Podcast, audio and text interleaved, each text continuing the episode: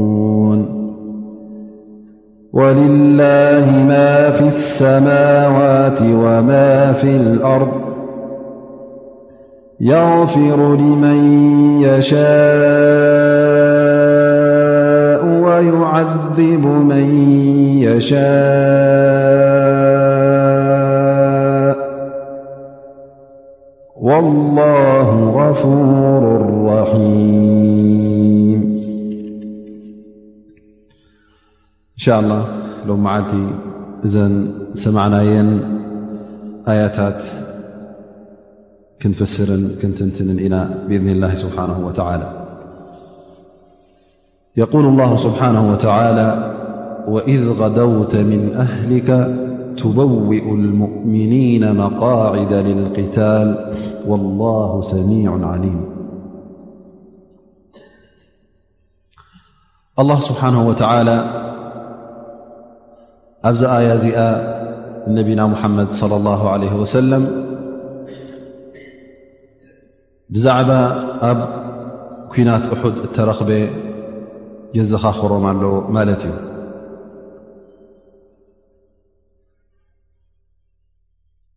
ኩናት ኡሑድ ኣብ ሱረት ኣሊ ዕምራን እቲ ኣብኣ ተረኽበ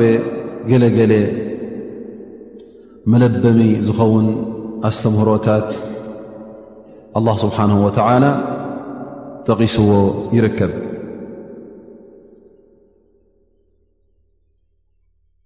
ኣብ ኩናት ኣሑድ ተረኽበ ከምኡ ውን ኣብ ኩናት በድር ከመይ ከም ዝነበረ እቲ ክልቲኡ ኩናት ውን ብኸመይ ከም ተጨርሸ እቲ ተረኽበ ጌጋታትን እቲ ተረኽበ ዓወታትን ኣላ ስብሓን ወተዓላ ብዝያዳ ናይ ኩናት ኣሑድ ኣላ ስብሓን ወተዓላ ኣብዛ ሱራ እዚኣ ጠቒስዎ ይርከብ እዚ እውን ስለምንታይ እቶም ኣስሓብ ነቢ ለ ላ ለ ሰለም እቶም ብፅት ነቢና ሓመድ ለ ላ ለ ሰለም እቲ ዝገበርዎ ቅኑዕ ተግባራትን እቲ ዝገበርዎ ጌጋታትን ኣላ ስብሓን ወተዓላ ክኸሽፈሎምን ከብረሃሎምን ኣበይ ኣበይ ከም ተረኽበቲ ጌጋታት እቲ ዓወትከ መዓስክ እዩ ዝመፅእ እቲ ስንፈትን ውጥቀትን ድኽመትንከ መዓስ እዩ ዝትንክፈካ ኣላ ስብሓን ወተላ ነዞም ብፆት ነቢና ሓመድ ለ ላ ሰለም ንዕኦም ክብርህን ብድሕሪኦ ን ንመፅእ ንሕና ውን ንኩሎም ኣስላም ውን ኩሉ ግዜ እቲ ዓወትን እቲ ሰናይ ነገርን ክትርከብ እንተ ኮይኑ ምስቲ ጣዓት ላ ስብሓ ወ ጣዓት ረሱሉ ላ ንኣላን ነቢና ሓመድ ሰለም ክትምእዘዝ ከለኻን እንተ ካብቲ ትእዛዞም ወፅእካ ድማ ኩሉ ግዜ ውጥቀትን ሕስረትን ከም ዘጓንፈካ በዚ ጉዳይ እ ንመዘኻኸሪ ኣላ ስብሓን ወተላ ብዛዕባ ኩናት ሑድ ኣብዛ ሱራ እዚኣ ጠቒሱልና ኣሎ ሕጂ ብዛዕባ ሕልፍ ሕልፍ ኢሉ ክመፅእ ስለ ዝኾነ ሎም መዓልቲ እንተሓመቐ ኣብዛ ከም መእተዊ ብሕፅር ዝበለ እታ ኩናት ሑድ መዓስ ከም ዝነበረት ከመይ ከም ዝጀመረት ብከመይ ከም ተወደእት እውን ክጠቕሳ እፈቱ ኩናት ሑድ ኣብ መበል ሳልሳይ ዓመት ሂጅራ እያ ነይራ ማለት እዩ ልክዕ ኣብ ወርሒ ሸዋል መበል ሳልሳይ ዓመት ሂጅራ ዝከውን ከላ በድር ኣበይ ነራ ኣብ ካልኣይ ዓመት ሂጅራ ማለት እዩ ኣብ ወርሒ ሮሞዳን ነራ ስለዚ ትፍልሊ ዘሎ ኣብ መንጎ ዘ ክልተ ኩናት እዚአን ሓንቲ ዓመት እያ ማለት እዩ ኣብ ኩናት በድር እቲ ቀንዲ ነዛ ኩናት እዚኣ ክትርከብ ጠንቂ ዝኾነ እቲ ናይ ሙሽርኪን ንግዲ ነቢ ሙሓመድ صለ ላه ለ ወሰለም ኣብ መንገዲ ክኸትሮ ምስ ሓሰበ እዚ ንግዲ እዚ ኣምሊጡ ንመካ ምስ ኣተወ ግን እቲ ካብ መካ ዝወፀ ናይ ሙሽርኪን ወተሃደራት ነቲ ስንቅን ነቲ ንብረትን ንግድን ንክሕሉ ንዕኡ ንኽከላኸልሉ ዝወፀ እዚ ሰራዊት እዚ ካብ ወፃዕናስ ወይ ክንዋጋ ኣለና ወይ ውን ሰለስተ መዓልቲ ቐኒና ደስደስ ኢሉና ክንምለስ ኣለና ብዝብል ርእቶ ኣቦጀሃል መሪሕዎ እቲ ሰራዊት ናይ ሙሽርኪን ንበድር ገፁ መፅኡ ኩናት ተረኺቡ ኣብዚ ኩናት እዚ እውን ኣስላም ብዓወት ተጎናፂፎም ሰብዓ ዝኾኑ ካብ ሙሽርኪን ተቐቲሎም ሰብዓ ዝኾኑ እውን ተኣሲሮም ማለት እዩ ግን እቲ ንብረት ኣምሊጡ ንመካ ኣትዩ ማለት እዩ እዚ ምስ ተረኽበ እቶም መሪሕነት ወይ ከዓ እቶም ዓበይቲ ዓዲ ዝሕሰቡ ዝነበሩ ኣብ መካ እቶም ጎይቶት ዝቁፀሩ ዝነበሩ መብዝሕቶም ኣብዚ ኩናት እዚ ምስ ሞቱ እቶም ዝተረፉ ኣብ መካ እቶም ኣብ ቦታቶም እተቐትሉን ኣሕዋቶም እተቐትሉን እንታይ ኢሎም ኣብዚ ኩናት እዚ እቶም ኣብ ቦታትናን እቶም መራሕትናን እቶም ኣያታትናን ስለ ዝሞቱ እቲ ቐንዲ መቕተሊኦም እውን እዚ ንግዲ እዚ ስለ ዝኾነ ስለዚ እዚ ኩሉ ሃብቲ እዚ ኩሉ ንግዲ ነቲ ሕኔና ንምፍዳይ ካልኣይ ኩናት ንክንኣትወሉ ኩሉ ተኣኪቡ ንሰራዊት ክኸውን ኣለዎ ኢሎም ተሰማሚዖም ማለት እዩ ሕጂ ንኩናት ውሑድ ካብ መዓስ ይጀሚሩ እቲ እስትዕዳድ ወይ ከዓ እቲ ምትእኽኻብ ማለት እዩ በድር ኩናት ውድእ ምሰበለት ሽዕኡ ዝሓሰብዎ እዮም ማለት እዩ ሙሽርኪን መጥቃዕቲ ንክፍፅሙ ነቲ ዝወረዶም ዕንወትን ሕስረትን ሕኒኦም ንክፈድዩ ካብታ መዓልቲ እቲኣ ስለ ዝጀመርዋ ካብኣ ጀሚሮም ድልዋት ነይሮም ይዳለዉውን ነይሮም ማለት እዩ ንዓመት ዝኸውን ተዳልዮም ማለት እዩ ብዝከኣሎም መጠን ንሶም ነቶም ምስኦም ዝኾኑ ንስኦም ክተሓጋገዙ ዝኽእሉ እቶም ሙሽርኪን ጥቕኦም ዘለዉ እውን ንዕኦም ኩሎም ኣፍ ደገ ናይ ምትሕብባርን ምትሕጋዝን ከፊቶም ምሳና ክተሓባበር ዝደሊ ምሳና ክተሓገዝ ዝደሊ ይእቶ ይምፃእና ኢሎም እዚ ጉዳይ እዙይ ምስ ከፈትዎ ዳርጋ 3,00 ዝኾኑ ወተሃደራት ኣኪቦም ማለት እዩ 3,00 ዝኸውን ወተሃደር ተኣኪቡ 200 ካብኦም ፈረሰኛታት ማለት እዮም 700 ድርዕ ወይ ከዓ ከምዚ መከላኸሊ ማለት እዩ ኣብ ርእሲኡ እውን ደቂ ኣንስትዮ ሒዞም ውን መፅኦም ማለት እዩ ዳርጋ 15 ዝኾና ደቂ ኣንስትዮ እንታይ እየን ዚአን ብዝያዳ ነቲ ሰራዊት ንኸተባብዓን ብዝያዳ ነቲ ኩናት ዋዕዋዕ ንኸብልኦ ማለት እዩ ብደርፊ ኮይኑ ከምኡ ውን ኣብድሕሪት ኮይነን ንሰን እውን ኣጆኹም ንኽብልኦም እቲ ሰራዊት እውን ኣንስቶምን ንኸይዝረፋን ኣንስቶም ንኸሽገራን ተባሂሉ ብዝያዳ ናብቲ ኩናት ንኽደፍእ እሰን እውን ተበጊሰን ማለት እዩ እዚ ኩሉ ተኣኪቡ ሕጂ ናበይ ይብገስ ኣሎ ንመዲና ገጾም ይብገሱ ማለት እዩ ብግስ ክብሉ ከለዉ ድማ ወረ ናብ ነቢና ሙሓመድ ለ ላ ለ ወሰለም ይበፅሕ እታ መልእኽቲ ምስ መፀቶ ነቢና ሓመድ ስ ሰለም ኣብ ቁባዕ ነይሮም ማለት እዩ ኡበይ ብን ከዓብ ነይሩ ምስኦም እታ ደብዳብ ምስ መፀቶም ኡበይ ብን ከዓብ የንብበሎም ምስ ኣንብበሎም እዛ ወረ እዚኣ መፅያ ዘላ ሙሽርኪን ዝመፁ ከም ዘለዉ ምስ ፈለጡ እዛ ወረ እዚኣ ሕብዓያ ስቕበል ኢሎም እነቢ ለ ላ ለ ወሰለም ንመዲና ይመፁ ማለት እዩ ንመዲና ምስ ኣተዉ እቲ ወተሃደር ሰራዊት ናይ ሙሽርኪን ግን ገና ክቕፅል ነይሩ ማለት እዩ መገዲ ግን መገዲ ሰሙን ዝኸውን ስለ ዝኾነ እቲ መልእኽቲ ጌና ናብ ነቢና ሙሓመድ ስለ ላ ሰለም ኣብ ሳልሳይ መዓልቶም ዝተበገሱ ኣብ ፍርቂ መንገዲ ከለዉ በፂሕዎም ማለት እዩ ሙሽርኪን ምስ መፁ እውን ኣብ ጥቓ እሑድ ቦታ ረኺቦም ኣብኡ ይዕስከሩ ማለት እዮም ኣብ ጥቓ መዲና እነቢይ ሙሓመድ ለ ላ ለ ወሰለም እዚ ነገር እዚ ምስ ተረኸበ ጅምዓት ነይሩ ማለት እዩ ኣብዚ ጅምዓት መዓልቲ እንታይ ይገብሩ ኣለዉ ነቶም ኣስሓብ ነቢ صለ ላه ለ ወሰለም ይእክብዎም ኣለዉ ማለት እዩ እቲ ተረኪቡ ዘሎ ጉዳይ እውን ይገልፅሎም ማለት እዮም እሞ ብዛዕባ እዚ ተረኪቡ ዘሎስ ንማኸር ተባሂሎም ኩሎም ተኣኪቦም ይማኸሩ ማለት እዮም ክማኸሩ ከለዉ ሕጂ እቲ ክልተ ዓይነት ርእቶ ወሪዱ ማለት እዩ እቲ ሓደ ዓይነት ርእቶ እንታይ ይብል ነይሩ እዚ ሰራዊት እዚ ብዙሕ ስለ ዝኾነ ንሕና እውን ክሳዕ ክንድዎ ዝኸውን ሰራዊት ስለ ዘይብልና እቲ ዝሓሸ ናብዚ ሰራዊት እዚ በዓል ክንወፅእ የብልና እንታይ ደኣ ኣብ መዲና ኣብ ውሽጢ ከተማ ኮይና ነዛ ከተማ እዚኣ ክንከላኸለላ ኣለና እታ ዓዲ እታ ከተማ እታ መዲና ኩላና ዓርና ስንፈልጣ ኣብቲ ጎደናታት ኣብኡ ንዋጋ ቆልዑትና ሎ ኣንስትና ዘለዋ ውን ወላ ውን ብልዕሊ ገዛ ኮይነን ብእምኒ ገሮም ብገሊ ገሮም ነቲ ፀላኢ ከጥፍእዎ ይኽእሉ እንተዘይኣትዩ ንመዲና ድማ ኣብቲ ዘለዎ ቦታ እተ ኮፍ ኢሎም ኣብኡ ይቐንዩ ባዕሎም ይፈልጡ ኣብኡ በሊዖም ሰትዮም ስንቆም ወዲኦም ክምለሱ እዮም ዝብል ነይሩ እቲ ካልኣይ ርእቶ እንታይ ብል ነይሩ እቲ ካልኣይ ርእቶ መብዝሕቶም እቶም መንእሰያት ዝነበሩ እቶም ኣብ ኩናት በድር ዘይተኻፈሉ ኩናት በድር ሓሊፉና እቲ ዝነበረ ዓወት ኣይተኻፈልናን ዝብሉ ዝነበሩ እዞም ሰባት እዚኦም ኢሎም ንሕናስ መዓስ ፍራሃት ኮይና እዞም ሰባት እዚኦም ክዋግኡና እም መፅኦም ዘለዉ ንሕና ከመንስቲ ኣብ ዓዲ ኮፍ ኣይነብልና እንታይ ደኣ ክንወፅእ ኣለና እሞ ክንዋጋእ ኣለና ክንቃተል ኣለና ኢሎም ክልተ ርእቶ ክውን ማለት እዩ ተቀዳማይ ርእቶ ሕጂ ሓደ ነቢ ስለ ላ ሰለም ርእቶኦም ነይሩ ማለት እዩ ከምኡ ውን ዓብዱላህ ብን ኡበይ ብሰሉል ዝበሃል ካብቶም ከዝረጅ ነይሩ እሱውን ሙናፍቅ እዩ ነይሩ ግን ሙናፍቅ ከሎ እዚ ርእቶ እዚ ሓይሽ ኢሉ ሓሲቡ ነይሩ ማለት እዩ ነዚ ርእቶ እዚ ክርኢ ከሎ ውን ንነብሱ ሓሲቡ ዩ ደኣ እምበር ንእቲ እስልምና ሓሲቡ ይኮነን ምእንቲ ደገ ወፅኡ ንኩናት ንኸይቃላዕ ንኸይመውት ኣብ ከተማ እተ ኣለኹ ግን ወላ ተሓቢኡ ታ ገፁታ ዓፂ ውን ስቑ እንተበለ ኣብ ኩናት ተካፈለ ኣይተካፈለ ንፈልጦ ስለ ዘየለ ነዛ ነገር እዚኣ መሪፁ ማለት እዩ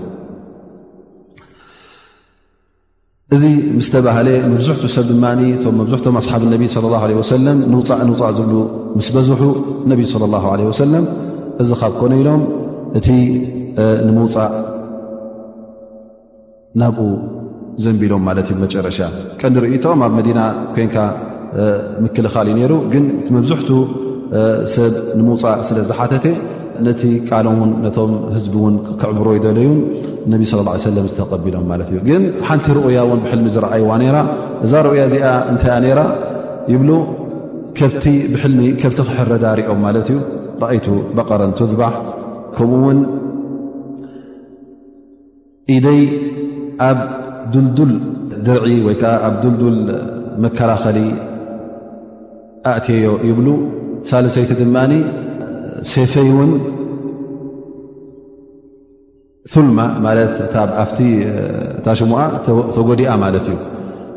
ከምኣ ርኤ ይብሉ ነዚ ድማ ብምንታይ ፈሲሮም ነቢ ስ ሰለም ተን ተሓረዳ ከብቲ ካብ ኣስሓብ ነቢ ስ ሰለም ገለ ሰባት ክሞቱን ክቕተሉን ከም ምዃኖም ኣብዚ ኩናት እዚ ከምኡ ውን ተኻልኣይቲ ብምንታይ ፈሲሮማ እታ ኢደይ ኣብ ድልዱል ድርዒ ኣትያ ዝበሉ ድማ ብመዲና ፈሲሮማ ማለት እዩ መዲና እተ ኣትዮም ድልድልቲ ዓዲ ማለት እዩ ድልዱል ድርዒ ትቁፀር ማለት እዩ እታ ሳለሰይቲ ድማ እታ ናይ ሴፍ ሴፎም ሙጉዳኣ ድማ ብምንታይ ፈሲሮማ ሓደ ካብ ኣህሊ ቤቶም ክመውት ከም ምኳኑ ብኡ ፈሲሮማ ማለት እዩ እዚ እውን ተረኪቡ ማለት እዩ ገለ ካብ ኣስሓብ ነቢ ስ ሰለ ሞይቶም ከምኡ ውን ሓደ ካብ ኣህሊ ቤቶም ሓውቦኦም ማለት ሓምዛ ብን ዓብዱልሙጠልብ ኣብዛ ኩናት እዚኣ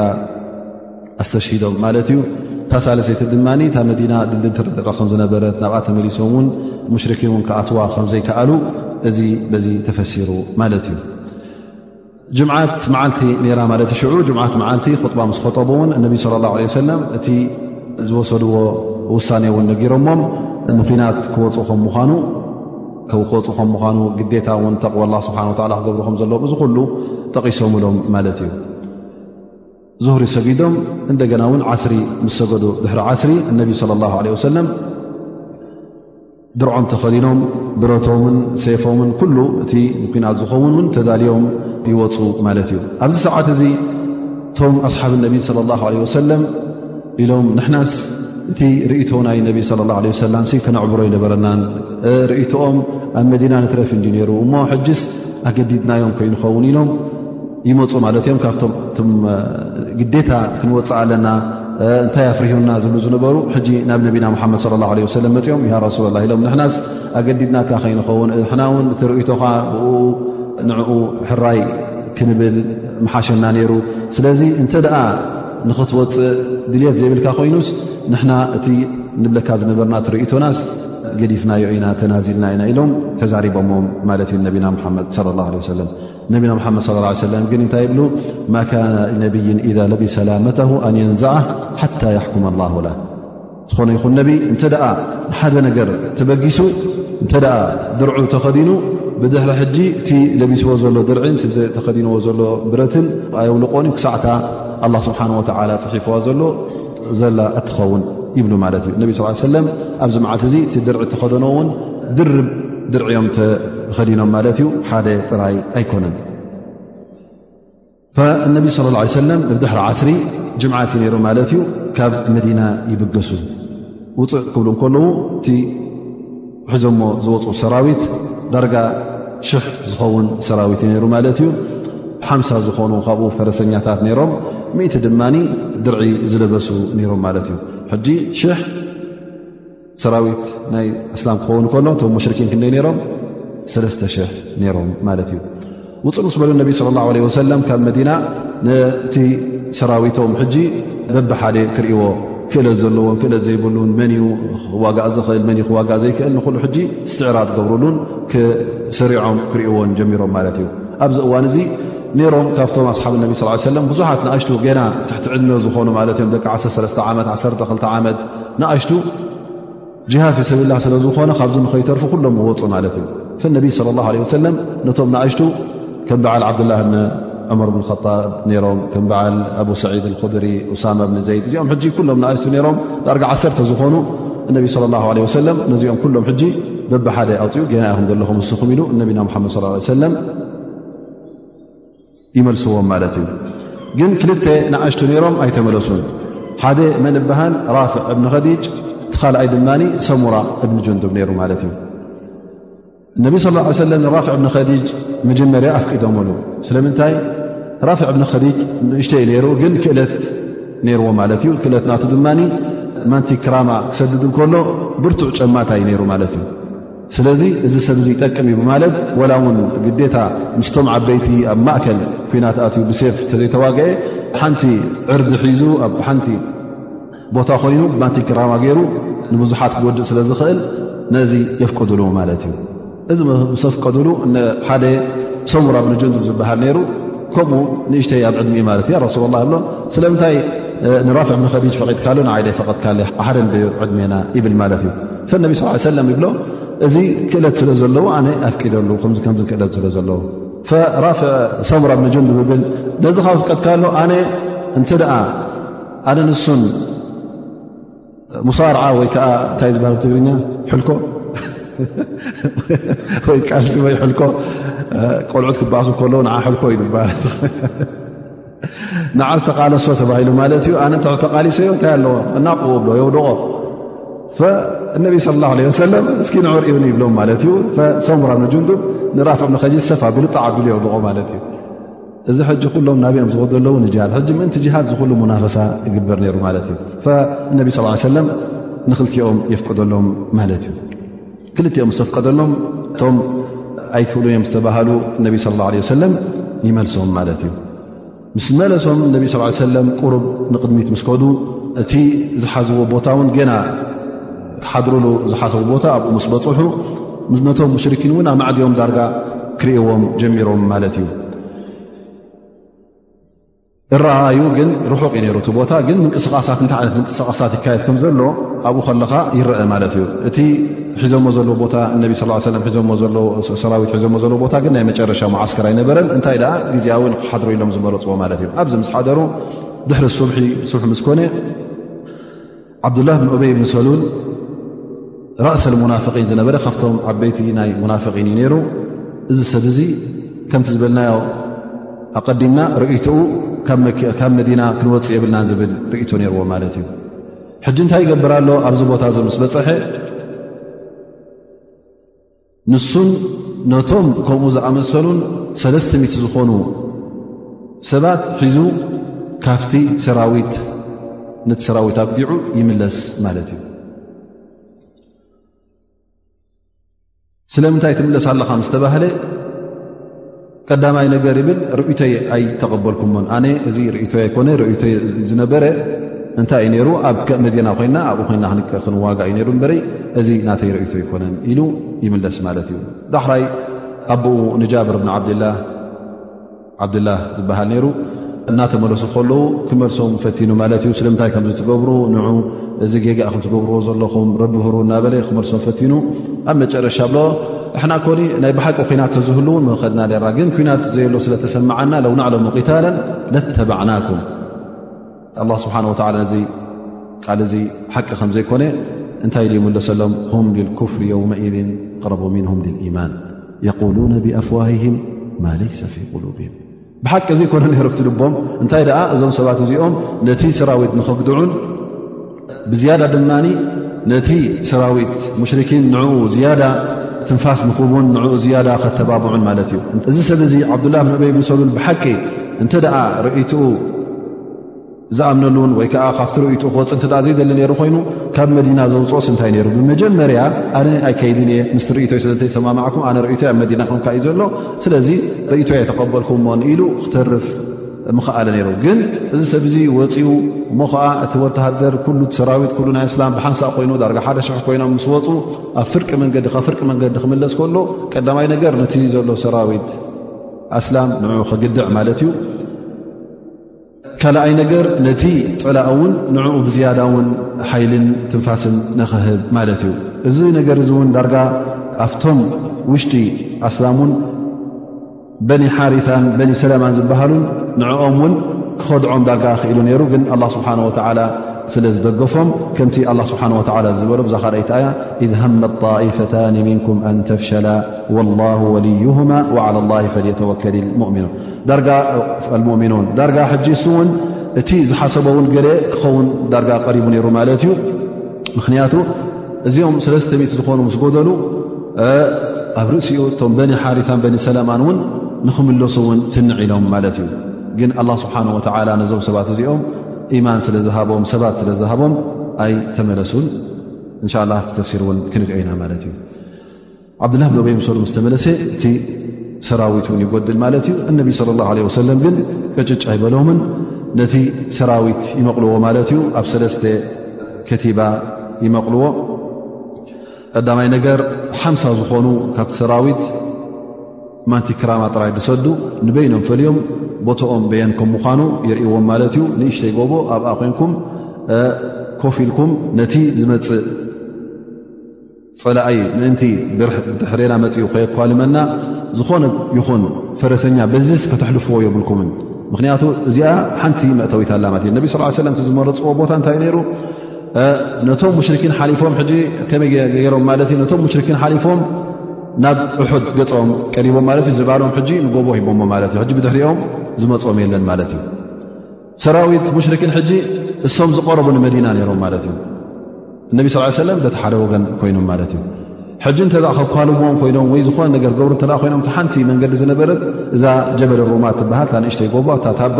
ብኣ ኮይኖም ምናልባሽ ዝኣ መፅኦሞም ከጥቅዕዎም ስለ ዝኽእሉ እነቢ ስለ ላ ሰለም ሓምሳ ዝኾኑ ሰባት መሪፆም ኣብዛ ታባ እዚኣ ኣብኣ ኮይንኩም ዝኾነ ትኹን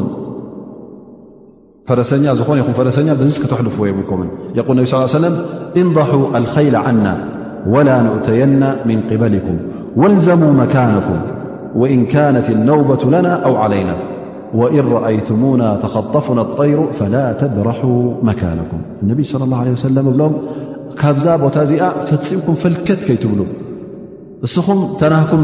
ግደ ዝኾነ ይኹን ፈረሰኛ በዚስ ከተቕርቦ የብልኩምን ብማቲ ክራማ ገርኩም ኩሎም ከተርሕቕዎም ኣለኩም ስለዚ በዚ ክቐርቡ የብሎምን እሞ ተጠንቀቑ በዛ መንገዲኹም በዛ እስኹም ዘለኹም ቦታ ሰሊኹም ከይኣትዉና ወላ እውን እንተተዓዊትና ከይትወርዱ ወላ እውን እንተተሳዒርና ወላ እውን ጨራሩ በብሓደ ክምንጥላና ከምዝሽላ ምንጥል ምንጥል ዘብለካ ማለት እዩ ነቢ ስ ሰለም ማለት እቲ ስዕረት ማለት እዩ ወላ እውን በብሓደ ክረግፍ ተርእኹምና ልክዕ ከምዘን ጨራሩ ዝኣርያና ዘለዋ እተ መሲልናኩምሲ ከይትወርዱ ፈፂምኩም ካብታ ዘለኹም ቦታስ ክትወርዱ ይብልኩም ኢሎም ነቢ ስ ሰለም ከምዚ ገሮም ይዋሰይዎም ሓምሳ ሰብ ዮም ነሮም ንዕኦም ድማ ዓብዱላ ብኒ ጆቤር ዝበሃል መራሒ ገይሮምብሎም ማለት እዩ እሱ ኣሚሮም ኮይኑ ማለት እዩ እነቢ ስ ሰለም እዚ ከምዚ ገይሮም ነቲ ሰለስተ ኣልውያ ኣብ ሰለስተ ከፍሎ ሰለስተ ከቲባ ገይሮም መቓቕልዎ ማለት እዩ ሙሃጅሪን ኦስ ወኸዝረጅ ገይሮም መቓቒሎምዎም ማለት እዩ ከምኡ ውን በቲ ሓደ ወገን እውን ሙሽርኪን ከምኡ ገይሮም ልክዕ ነቲ ሰራዊቶምን መቓቒሎም ተደላልዮም ማለት እዩ እዚ ሕጂ ጅምዓት እዩ ነይሩ ጅምዓት መዓልቲ ኩሉ ተኣኪቡ እዚ ኣብ ቀዳም ዘውግሕ ማለት እዩ ቀዳም ሸዓ መዓልቲ ያታ ኩናት ጀሚራ ማለት እዩ ፍርቂ ሸዋል 15 ሸዋል ይበሃል ወይ ከዓ እቲ ቀዳማይ ሰሙን ካብ ሸዋል ጠብ እዚ ከምቲ ዑለማእ ዝበልዎ ማለት እዩ ገለ ፍልልይ ኣሎ ንስፍ ምን ሸዋል ዝበሉ ኣለዉ ገሊኦም ድማ እዮም ስተ ሸዋል ሰ ሸዋል ኣብ ቦታት ኣቢሉ እዩ ኣም ኣብ ሸዋል ከም ዝነበረ እዩ ዝጥቀስ ማለት እዩ መጀመርያ ኩናት ክጅምር እንከሎ እቲ ቀንዲ ኣብ መን ይኸይድ ነይሩ ማለት እዩ ኣብቲ ሊዋእ ናይ ሙሽርኪን ሕዙ ዝነበረ ማለት ሊዋእ ማለት ባንዴራ ዝሕሰብ ማለት እዩ መብዝሕቲ ግዜ እሱ እንተ ወዲቑ እሱ ንዓ ዘልዕል እተ ተሳኢኑ እቲ ሰራዊት መብዝሕቲ ግዜ ይበታተን እዩ ግን ንዓኣ ዝሕዝ እንተ ኣሎ ኮይኑ ቀጢሉ እተ ሒዝዋ ሰራዊት ሕጂ ኣብኣ ይእከብ ማለት እዩ እቲ ኣበይ ከም ዝኸይድን ቤን ከም ዝኸይድ ንፈልጥ ማለት እዩ ሕጂ ኣቡ ስፍያን ነዞም ሊዋ ናይ ሙሽርኪን ዝሕዙ በኒ ዓብድዳር ዝበሃል እዮም ነይሮም ሕጂ ኩሉ ግዜ ሊዋ ዝሕዙ በኒ ዓብድዳር ኣብ በድር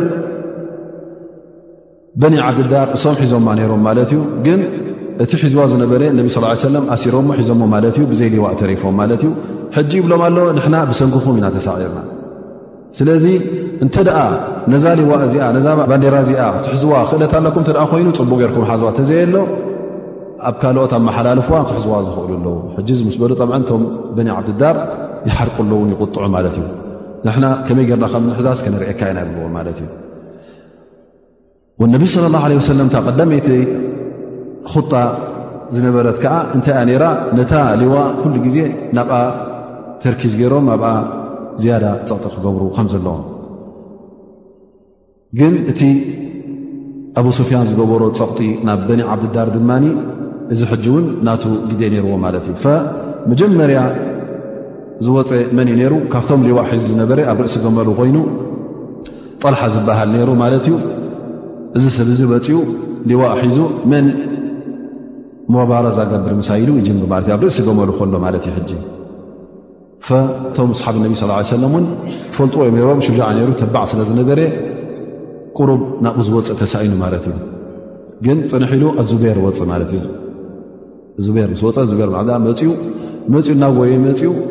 ጥር ኢሉ ናብ ገመል ስቀል ማለት እዩ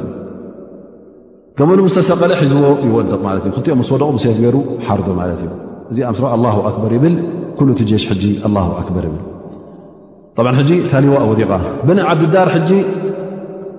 ታሊዋ ምስ ወደቐት እንደገና መፅኦም የልዕልዋ ማለት እዩ እዚ መፅኡ ሓዉ መፅእ ማለት እዩ እመፅእ በብሓደ በብሓደ በብሓደ እቶም ዝቕተሉ ካብ ብኒ ዓብድዳር ባንዴራ ዝሕዙ ዓሰርተ በፅሖም ኩሉ እቲ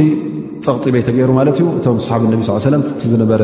ታክቲክ ማለት እዩ ነዛ ሌዋ እዚኣ ክትወድቕ ከም ዘለዋ ኩሉ ግዜ መእከቢ ከም ዘይረኽቡ ማለት እዩ ዓሰርተ ሰባት በብሓደ ኩሎም እቶም በኒ ዓብድዳር ዝበሃሉ ንኲናት መፅኦም ዝነበሩ ዓምበከርተ ኣብሆም ተወዲኦም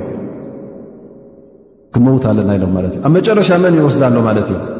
ሓደ ሰዋብ ዝበሃል ባርያ ነበሩ ሓበሻ ነርዎ ማለት እዩ ባርያ ዝነበረ ናቶም እሱ መፅ ኣሎ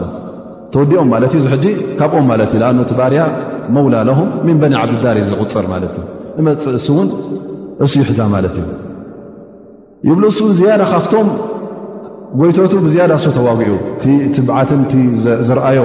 ቃልስን ናቱ ብርትዕ ነይሩ ይበሃል ግን እሱ እውን ተማዊ ተማዊቱ ኢዱ ቆርፅዎ ክልተ ኢዱ ምስ ተቆረፀ እውን ሓቒፍዋ ነታ ከውደቓ እውን ኣይደለየን ግን ተቐትሉ ዘልዕላ ተሳዒኑ ማለት እዩ ብድሕሪኡ ሊዋእ ናቶም ወደቓሉ ማለት እዩ ኣብዚ ሰዓት እዚ ካልድ ብን ወሊድ ክልተ ሰለስተ ሻዕ ፈተነታት ትገብር ማለት እዩ በታ እቶም ሩማት ዘለዋ ቶም ማንቲኪራማ ገሮም ዝድርብዩ ብኣ ክኣቱ ፍትን ክልተ ሰለስተ ሻዕ ክኣቱ ይከኣለን ማለት እዩ ኣብዚ ሰዓት እዚ ሙሽርኪን እቲ ሊዋእናቶም ምስ ወደቐ ልቦም እጠፍኦም ማለት እዩ ዝሕዛ ተሳኢኑ እተሓዋወሶም ኣብ ሰዓት እዚ ድማ ካብቶም ሙስሊም እውን ሓምዛ ይቕተል ማለት እዩ ሓምዛ ክተል እንከሎ መቕተሊቱ ቀንዲ ድማ ኣብ ኩናት እሑድ ብርቱዕ ጅግንነት ስለ ዝርኣየ ሕጂ ንዕኡ ጥራይ ንበይኑ ንኡ ዝቐትል ሓደ ባርያ እንተ ቀትልካዮስ ንዓኻ ናፃ ክንድብለካ ኢ ስለተባሃለ ስሩሑ እንታይ ነራ ማለት እዩ ንሓምዛ ክቐትል ስለ ዝነበረት እዚ ድማ ባርያ እዩ ነይሩ እዚ እውን ካብ ሓበሻ እዩ ነይሩ ይበሃል እዚ እውን ብዝከኣሎ መጠን ኩናት ክድርብ ከሎ ዘይስሕት ስለ ዝነበረ እዚ ሰብ እዚ እውን ኩናቱ ሒዙ መፅኡ እናተሓበአ እናብ በለ ብድሕሪ ገረብ ብድሕሪ እናተሓበአ ካልእ ስራሕ የብሉ እንታይ ንምን ክቐትል እዩ ንሓምዛ ይብል እሱ እውን ባዕሉ ገሊፅ እዩ ሓምዛ ክሪኦ ከለኹ ነዚ ወተሃደራት ኩሉ ነዚ ሰራዊት እዚ ኣብ ክልተ መቕልል ንዕኡ ዝረኸቦ ሰብ ክቐትሎ እንተዘይኮይኑ ንሓምዛ ዝትንክፎ ኣይነበረን ማለት እዩ ይብል እናተሓባእኩ እናቀረብኩ በትን በትን ኣብ መጨረሻ ምስ ቀረብኩሉ ምስ ተዳለኩሉ ኩናት ደርብየ ኣብ ሕምብርቲ ይወግኦ ንዓይ ምስ ርኣየኒ እውን ክመፅእ ሓስቡ ግን ደኺሙ መንገዲ ይመውት ይብል ሓምዛ እውን ይመውት ማለት እዩ ኣብዚ ሰዓት እዚ ግን ሓምዛ ይቀተል ዳኣ እምበር መብዝሕቶም ሙሽርኪን ሃለዋቶም ጠፍእዎም ክሃድሙ ይጀመሩ ማለት እዩ ክሃድሙ ጀሚሮም ሜዳ ኩናት ዝነበረ እቲ ሜዳ እውን ገዲፎሞ ክሃድሙ ይጀምሩ ምህዳም ምስ ኮነ እቲ ኣስኣም ድማ ሕጂ እንታይ ገብሩ ጀሚሮም ማለት እዩ እቲ ዘሎ ሰልቢ ይኹን ዝማረኽ ኣቑሑት እንተርኣ ኣሎ ድማ ክማርኹን ሰልቢ ክእክቡን ይጅምሩ ማለት እዩ እዚ ምስ ረኣዩቶም ሓንሳ ኣብታ ጎቦ ኣታ ታባ ዘለዉ እንታይ ይብሉ ኸላስ ኩናት ተወዲኣ እንታይ ኣለና ሕጂ ኮፍ ንብል እንህልካ ኩሉ እቲ ዝማረኽ ይማረኽ ኣሎ እቲ ሰልቢ ይውሰድ ኣሎ እሞ ሕጂ እውን ንሕና ከይሓልፈና ኢሎም ክንወርድ ኣለና ይብሉ ዓብዱላህ ብን ጁበይር ብሎም የጠንቅቖም ማለት እዩ እነቢ ስ ሰለም ፈፂምኩም ከይትወርዱ ኢሉና እዩ እሞኒ ፈፂምና ክንወርድ የብልናን ኢሉ ፈትኑ ፈትኑ ኩሎም ይኣብዎ ማለት እዩ ዓሰርተ ጥራይ ዝኾኑ ውስኡ ይተርፉ እቶም ኣርበዓ ይወርዱ ማለት እዩ ነተን ቁሩብ ሰልቢ ንዕአን ንክኣርዩ ማለት እዩ ንዕአን ክኣርዩ ምስ ወረዱ ሙሽርኪን መብዝሕቶም ክሃድሙ እውን ይጅምሩ ማለት እዩ ሕጂ እንደገና ካልድ ብ ወሊድ ኩሉ ግዜ ብኣ ፈተነ ገብር ነይሩ እንደገና ሕጂ ፈተነ ገይሩ ማለት እዩ እታ ጉዳይ ድማ ዓሰርተ ጥራይ ስለ ዝኾኑ ከም ቀደም ክከላኸሉ ይከኣሉን መፂኡ ነዞም ዓሰርተ እዚኦም መታ ጎቦ ደይቡ ነዞም ዓሰርተ እዚኦም ቀትሉ ብኣ ይሰሉኽ ማለት እዩ ሕጂ ብዝባኖም ይኣትዎም ኣሎ ማለት እዩ ነቶም ኣስላም ሰራዊት እስልምና ሕጂ እውን ልቡ ይጠፍኦ ተዓዊቱ እናበለ ሕጂ ኣብ ምእራይ ሰልቢን ኣብ ምእራይ ኣብ ምምራኽን እንከሎ ዘይተሓሰበ ሰራዊት ብድሕሪኡ መፅኡ ይኣትዎ ማለት እዩ ሕጂ ኣብዚ ብርቱዕ መቕተልቲ ተገይሩ ኣስላም ንገዛእ ርእሶም ሕጂ እቲ ዝነበረ ዓወት ኣብ ምንታይ ተገምጢሉ ማለት እዩ ኣብ ስዕረት ተለዊጡ ማለት እዩ ሙሽርኪን ድማ ሕጂ እቲ ዝገብሮ ዘሎ ካልድ ምስ ረኣዩ ካልድ እውን ብንዮ ምስ ኣተወ ከም ዝኣተዎ ምስ ረኣይዎ ክምለሱ ጀሚሮም እታ ወዲቓ ዝነበረት ባንዴራ ዓላም መን ይወስዳ ኣሎ ማለት እዩ ሰብኣይ እውን ኣይልዓላን ሽዑ ዘልዕልያ ሰብኣይ ተሳኢኑ ጓል ንሰይቲ ኣልዕላካ ማለት እዩ ካብቶም ሙሽርኪን ንሳ ምስ ኣልዓለታ ሙሽርኪን ኣብኣ ክእከቡ ጀሚሮም ማለት እዩ ከም እንደገና ሕጂ ካልኣይ መጥቃዕቲ ገብሩ ጀሚሮም ሕጂ እቲ ሰራዊት እስልምና ድማ ካብቲ ገይርዎ ዝነበረ ታክቲክ እቶም ሓምሳ ድሕሪ ዝነበሩ ጠፍኦም ማለት እዮም እቲ ኣካይዳ ናይ ኩናት እውን ተበላሽዎም ማለት እዩ እቲ ትእዛዝ ነቢና ሓመድ ለ ላ ለ ወሰለም ስለ ዘዕበሩ ሕጂ ፋሕ ብትን ክኣትዉ ጀሚሮም ፍርቆም ውን ክሃድሙ ጀሚሮም ንመዲና እውን ዝኣተዉ ኣለዉ ማለት እዮም ፋሕ ብትን ኣትዎም ሙሽርኪን ድማ ሕጂ ብዝያዳ ኣበይ ገይሮም ፀቕጢ ናብቲ ነቢና ሙሓመድ ለ ላ ለ ወሰለም ዘለዎ ቦታ እውን ፀቕጢ ገይሮም ማለት እዮም ምስ ነቢና ሓመድ ስ ሰለም ዝነበሩ እውን ውሕዳት ስለ ዝነበሩ ካብ ሸሞንተ ሰብ ዝበዝሑ ይነበሩን እዞም ሸሞንተ እዚኦም እውን ክከላኸሉ ክከላኸሉን በብሓደ ረጊፎም ጥራይ ክልተ ተሪፎም ማለት እዮም ዝኾነ ኮይኑ ነቢና ሙሓመድ ለ ላ ለ ሰለም ብዝከኣሎም መጠን ንድሕሪት እናንሰሓቡ ክሳዕ ኣብ ገጾም እውን ማህረምቲ ተረኺቡ ስኖም እውን ተሰሩ ኣብ ጉድጓድ ወዲቖም እውን እግሮም ተጎዲኦም እዚ ኩሉ ሽግር ኣጓኒፍዎም ግን እዚ ኩሉ ሽግር እናጓነፎም ከሎ ፈፂሞም ድሕር ኣይበሉን ናበይ ገፆም ይቐርቡ ማለት እዩ ናብ ጎቦ ውሑት ቀሪቦም ንላዕሊ ይድይቡ ዝባኖም ኮይኑ ማለት እዩ ከም መከላኸሊ እታ ኩናት ዳርጋ በዚ ብሕፅር ዝበለ ተወዲኣ ማለት እዩ ሽዕኡ ካብ እስላም ዳርጋ ሰብዓ ዝኾኑ ሽሃዳ ቅቱላት ክኾኑ ከለዉ እቶም ሙሽርኪን እውን ዳርጋ 3ሸ ዝኾኑ ቅቱላት ነይሮሞም ማለት እዩ እዚ ብሓፈሽኡ ከመይ ከም ዝነበረ ናይ ኩናት ውሑድ ማለት እዩ ሕጂ እንተ ገለገለ መፅኡና መግለፂ ኣብኡ ከለና ከመይ ከም ዝነበረ ስእሊ ክበርሃልና ማለት እዩ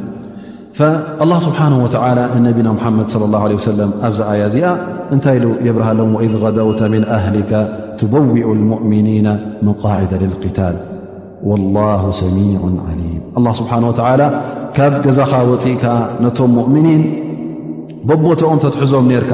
ትዝክርዶ ኢሉ ኣላ ስብሓን ወላ ነቢና ሓመድ ለ ላ ለ ሰለም የዘኻኽሮም ኣሎ ክመቕልዎም ከሎ ንየማን ዝኸውን ንፀጋም ዝኸውን መን ዮም ኣብቲ ጎቦ ዝኾኑ ኢሎም እዚ ኩሉ ነቢና ሓመድ ለ ላ ሰለም ባዕሎም ከም ዝገበርዎ ባዕሎም ከም ዝመቓቐልዎ ኣላ ስብሓን ወላ ኣዘኻኺሩ ኣላ ስብሓን ወላ እውን ወላሁ ሰሚዑን ዓሊም እቲ ኩሉ ዝበሃል ነበረ ትብሎ ነበርካ እቶም ኣስሓብካ ዝብልዎ ዝነብሩ እቶም ብፆትካ ዝብልዎ ነበሩ ኩሉ ሰሚዕዎ እዩ ዓሊም ከምኡ ውን እቲ ኣብ ልቦም ሓቢኦሞ ዝነበሩ እቲ ብሓቂ ዝዋጋእ ዝነበረ እቲ ሙናፊቅ ዝነበረ እቲ ንሊላ ኢሉ ዝዋጋእ ዝነበረ እቲ ምእንቲ ዱንያ ኢሉ ዝዋጋእ ዝነበረ ኣላ ስብሓን ወላ እቲ ልቦም ዘሎ ኩሉ ይፈልጦ እዩ ኩሎም እቶም ምሳኻ ዝወፁ ግዴታ ብሓቂ ኢማን ዘለዎም ማለት ኣይኮነን ገዛ ርእሶም ቶም ምስ ዓብዱላህ ብን ኦበይ ምሰሉ ዝነበሩ ሰለስተ ሚእቲ ዝኾኑ ሰባት እዞም ሰባት እዚኦም ኩሎም ሙናፍቂ እንተዘይነብሩ ምስቲ ሙናፍቅ ኣይምተመለሱ ነይሮም ኣብ ርእሲኡ እውን እቶም ምሳኻ ዝወፅ እውን ኩሎም ምእንቲ ኣላ ስብሓን ወተዓላ ይውፅኡ ድኣ እምበር ገለገለ ካብኣቶም እውን ኣዱንያ ተዐሽዎም ከም ዘላ እውን ኣላ ስብሓን ወተዓላ ይፈልጥ እዩ ነይሩ ላ ስብሓን ወተዓላ እዚ ኩናት እዚ መን ዩ እቲ ሓቀኛ ሙእምንን መን ዩ እቲ ኣብ ልቡ ገለገለ ድልት ናይ ኣዱንያ ዘለዎን ገለገለ ሙናፍቕ ዝኾነን ንዕኦም ውን ብዝያዳ ክፍትኖምን ብዝያዳ ክረኣዩን ክበርህ ኢሉ ዝገበሮ ነገር ከም ምዃኑ ኣላ ስብሓን ወላ ይፈልጦ ኢሉ ነቢና ሙሓመድ ለ ላ ለ ሰለም የዘኻኽሮ ኣብ ርእሲ ውን ኣላ ስብሓን ወላ እንታይ ይብል ኢዝ ሃመት ጣኢፈታን ምንኩም ኣንተፍሸላ ወላሁ ወልዩሁማ ኣጣኢፈታን ይብሉ በኑ ሓሪታ ወበኑ ሰላማ ዝበሃሉ እዮም ነሮም ማለት እዩ በኑ ሓሪታ ወበኑ ሰላማ እዞም ሰባት እዚኦም ከምታ ዝበልናያ ምስ እቲ ዓብዱላ ብን ዑበይ ምሰሉ ዝገበሩ ሙናፊቅ ዝገበሩ እሱ ክምለስ ምስረኣዩ እዞም ሰባት እዚኦም ውን ትንዕ ኢሎም ነሮም ንክምለሱ እውን ሓሲቦም ግን ኣላ ስብሓን ወላ እዞም ሰባት እዚኦም ኣብቲ ኢማን ቀጥ ስለ ዘበሎም ኣላ ስብሓን ወላ ስለ ደገፎም ወላሁ ወልዩሁማ ስለ ዝበለ ወሊ ናቶም ወይ ከዓ እቲ ደጋፊ ናቶም ናብ ኣላ ስብሓን ወተዓላ እውን ስለ ተፀግዑ እዞም ሰባት እዚኦም ካብቲ ናብ መገዲ ኒፋቅ ምኻድ ካብኡ ድሒኖም ኢዝ ሃመ ጣኢፈታኒ ኣንተፍሸላ ወላሁ ወልዩሁማ ኣላ ስብሓን ወላ ወልዮም ስለ ዝኾነ ደጋፊኦም ስለ ዝኾነ ግን ኢማን ስለ ዝነበሮም እውን እዞም ሰባት እዚኦም ኣላ ስብሓን ወተዓላ ሓልዎም ካብቲ ጌጋ ንኸይወጥቁ ወዓላ ላ ፈልየተወከል ልሙእሚኑን ዝኾነ ሙእምን ድማ ናብ ኣላ ስብሓን ወተዓላ ክውከል ኣለዎ ዝኾነ ይኹን ሽግር ኣጓኒፉካ ዝኾነ ይኹን ጉዳይ ኣጓኒፉካስ ናብ ኣላ ስብሓን ወተዓላ ክትፅጋዕ ኣለካ ናብ ኣላ ስብሓን ወተዓላ ተፀግዕ ድማ ፈፂሙ ኣይሰዓርን እዩ ኩሉ እንትናኻ ናብ ኣላ ስብሓን ወተዓላ እተ ፀጊዕካ ድማ ምንም ሽግር ከጓንፈካ ይክእልን ስለዚ ወላ ዓላ ላ ፈልየተወከል ልሙእሚን ሙእሚን እተ ኮይንካ በዓል ኢማን እተ ኮይንካስ ኣላ ስብሓን ወላ ክትርስዖ ይብልካን ብዛሕ ሓድ ሰራዊት ይብዛሕ ይሓድ ኣፅዋርካ ይብዛሕ ይሓድ እንተ ናብ ኣላ ስብሓ ወላ ትፀጊዕካስ ኩሉ ግዜ ተዓወት ካብ ኣላ ስብሓን ወላ ከም ምኳኑ ክትኣምን ኣለካ እቲ ዝዐውትን እቲ ዝድግፍን ኣላ ስብሓን ወላ ዩ ደኣ እምበር ብዝሒ ሰራዊትን ብዝሒ ኣፅዋርን ክእለትን ከምዘይኮነ ኣላ ስብሓን ወላ የዘክር ኣሎ ማለት እዩ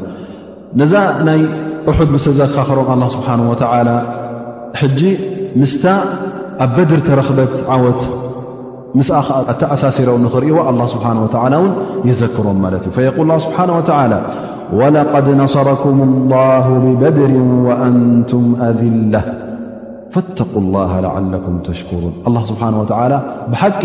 ኣብ በድር ኣብ ኩናት በድር ገና ካልኣይ ዓመት እንከሎ ህጅራ ክልተ ዓመት ጥራይ ገይርኩም ኣብ መዲና ከለኹም ውሑዳት እንከለኹም ሽዑ እውን ቁፅሮም ክንደይ ነይሩ 300 ዝኾኑ ሰብ 313 ኣቢሎም እዮም ነሮም ኣብ ሮሞዳን ዕለት 17 ነይሩ ሙሽርኪን እውን ክንደይ ነይሮም ዳርጋ ካብ ኣብ መንጎ ትሽዓተ ሚትን ሽሕን ኣቢሎም ዳርጋ ሽሕ ኣቢሎም ነይሮም ማለት እዩ ልክዕ ሰለስተ ዕፅፎም ነይሮም ልክዕ ከምዛ ኣብዛ እሑድ ዘላ ዳርጋ ሰለስተ ዕፅፊ ዝነበሩ ላ ስብሓን ወተላ የዘኻኽሮም ኣሎ ልክዕ ኣብ በድር እውን ውሑዳት ይኹም ነርኩም ኣላ ኣላ ማለት ውሑዳት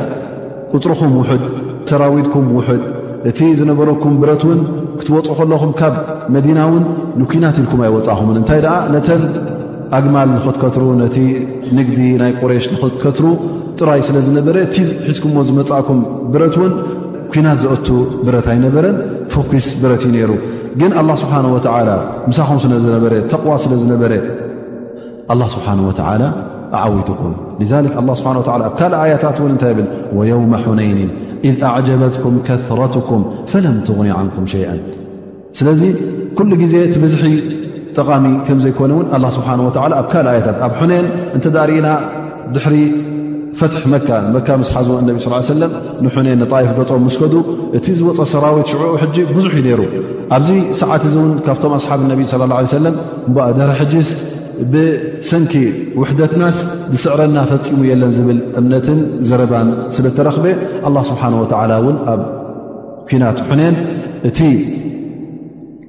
ኩናት እቲ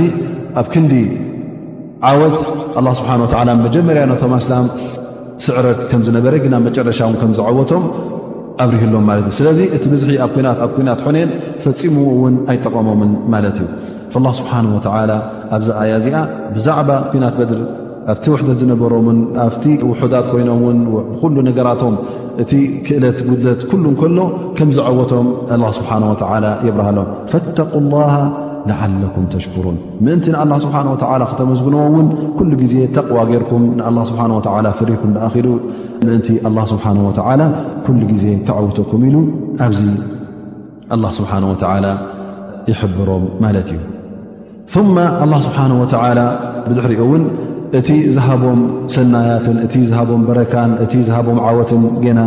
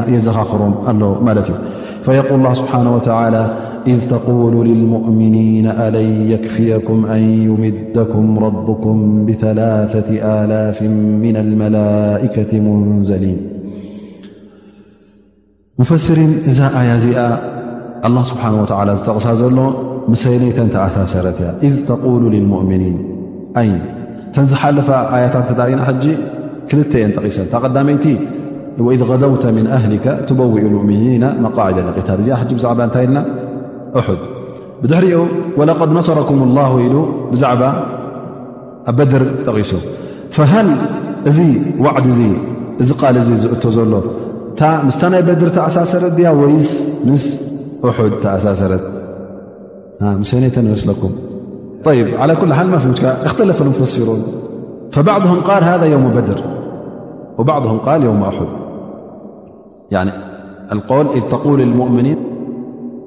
ሃذ የውሙ በድር ብ እብን ኣብ ሓትም ምኽንያቱ ኣብ በድር ኩናት በድር ክካየድ እንከሎ እንታይ ዝብል ወረ መፂ ነይሩ እ ሙሽርኪንሲ ኩሩዝ እብኒ ጃብር ዝበሃል እመፆም ኣሎ ጌና ኣብቲ ርእሲ ሰራዊቶም ሰራዊት ክውስኾም ዩ ዝበሃል ሰሚዖም ማለት እቶም ሙስልሚን እመፆም ኣሎ ሓገዝ እመፆም ኣሎ ረዳት እመፆም ኣሎ ምስ ሰምዑ እዚ ሕጂ ዝያዳ ኣሸጊርዎም ማለት እዩ ላ ስብሓን ወተላ ኣብቲ ግዜ እቲ እዩ ነቢና ሓመድ ስ ሰለም ኣለን የክፍየኩም ኣን ዩምደኩም ረብኩም ብላተ ኣላፍ ምና መላእከት ሙንዘሊን ዝበሎም ኣብ ኩናት በድር እዩ ይብሉ እቲ ቀዳማይ ረኣይ ማለት እ ኣብ ናት በድር ብዛዕባ ኩናት በድር እያ ጠቅስ ዘላ ዝኣያ ይብሉ ማለት እዩ بدرب سورة الأنثال يقول الله سبحانه وتعالى في الآيةقرا إذ تستغيثون ربكم فاستجاب لكم أني ممدكم بألف من الملائكة مردفين وما جعله الله إلا بشرى ولتطمئن به قلوبكم وما النصر إلا من عند الله إن الله عزيز حكيم بلس الأالأ بدتفي قصةبدر مرفة ما فيها خلاف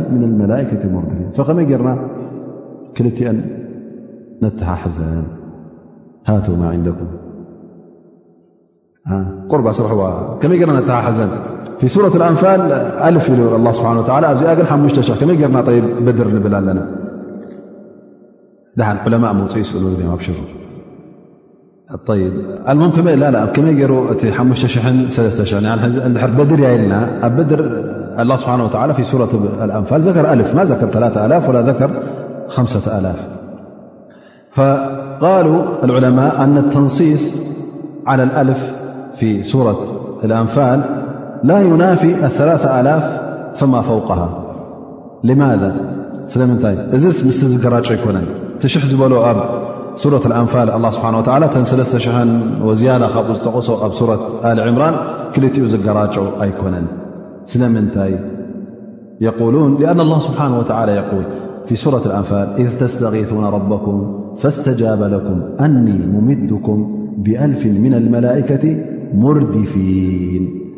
يش معنى مردفين تمال مردفين فقالوا يردفهم غيرهم ويتبعهم يعني يردفهم يأتي بعضهم كتاثل ششحر كتاثل يسدلكم مالت فالله سبحان الى مردفين معناها يردف بعضهم بعضا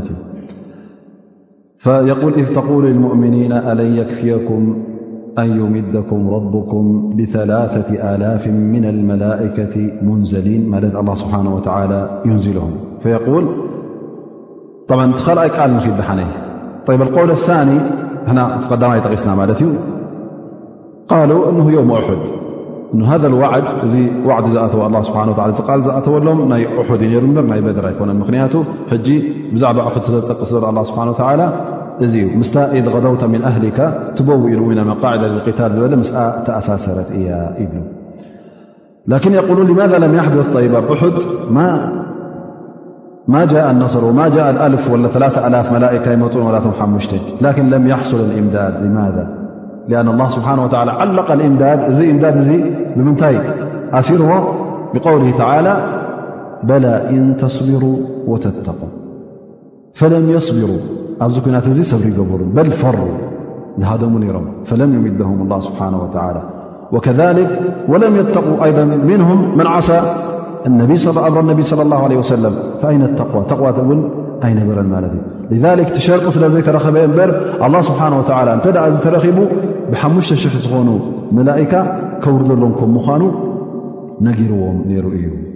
ኢዘ የቁል ስብሓ በላ እንተስቢሩ ወተተቁ ብሓቂ ፅንዓት ብሓቂ ሰብሪ ጌርኩም እትትኾኑ ከምኡ ውን ተቕዋ ነቲ ትእዛዝ ኣላ ስብሓ ወ ቅጥ ኣቢልኩም ሒዝኩ ርኩም እትትኾኑ ፍርሃት ኣላን ትእዛዝ ኣላን ተኸትልኩም ትእዛዝ ነቢ ሓመድ ለ ሰለም ኣኽቢርኩም ቀጢልኩም ርኩም እትትኾኑ እሞ ከዓ እዞም ፀላእትኹም ወያእትኩም ምን ፈውርህም ሽዑ ንሽዑ እተዝመፁኹም ማለት ድሪ ናት በድሪ እሶም ድሕሪ ኩናት በድሪ እዮም ተበጊሶም ማለት እዩ ሓሲቦም መፅኦም ወይ ከዓ እቲ ዘምፅኦም ውን ጥቕምን ሰለስተ ትርጉም ሂቦ ያእትኩም ምን ፈውርህም ሰለስተ ትርጉም ሂቦማ ምን ፈውርህም ኣይ ምን ወጅህህም ሃ በቲ ዝመፅዎ ዘለዎ ቦታ ኣው ምን ሰፈርህም ሃዛ ካብቲ መገሽኦም ሓድሽ ፀላኢኹም ዝመፅ ዘለዎ መገሽኦም ሕጂ ተኺዶም ተዝምለሱኹም ኣው ይል ምን ضብህም ሃ ምን ضበትህም ሃ እታ ኮርዮማ ም ሽዑ ተሳዒሮም ካብ በድር ምስ ከዱ እሞ ብሰንኪ ዚ ቁጣዓት ዝተቆጢዖም ተዝመፅኹም ነይሮም ሮም ስብሓ ኣብሽሩ حجكم لكم هذا ينددكم ربكم بخمسة آلاف من الملائكة مسومين مشتشح أخل ملائكة الله سبحانه وتعالى مسدكم ورلكم ر مسومين أي معلمين ملك لوم ملت ለذና እቶም ኣላ ስብሓን ወላ ዝሰዶም ዝነበረ መላእካታት ኩናት ካፈሉ እውን ኣብ በድሪ ዝነበሩ ፍሉይ ምልክት ነይርዎም ገሊኦም ዑለማ ይብሉ ወይከዓ እቶም ኣስሓብ ነቢ ስ ሰለ ዘማ ገሊኦም ፃዕዳ ዕማማታት ተኸደኑ ነይሮም ወይ ከዓ ምልክት ነይርዎም ማለት እዩ ፃዕዳ ሱፍ ኣፍተን ኣፍራሶም እቲ መእሰሪአን ናይ ልጓመን ብፃዕዳ ሱፍ እዩ ነይሩ ይበሃል ወይ ከዓ ካልእ ምልክት ድማ ገሊኦም ብጫ ዕማመት እዩ ዝበሉ ወይ ቀይሕ ዕማመት እዩ እውን ዝበሉ ኣለዉ ማለት እዩ ግን ዝኾነ ይኹን ምሰዎም ማለት ሲማ ዓላማ ዘለዎ ማለት እዩ ምልክት ዘለዎ ላ ስብሓን ወተላ እንተ ዝኾነ ይኹን ሰብሪ እተ ገይርኩም እንተ ተቕዋ ገይርኩም እውን ኣላ ስብሓን ወተላ ብዝኾነ ይኹን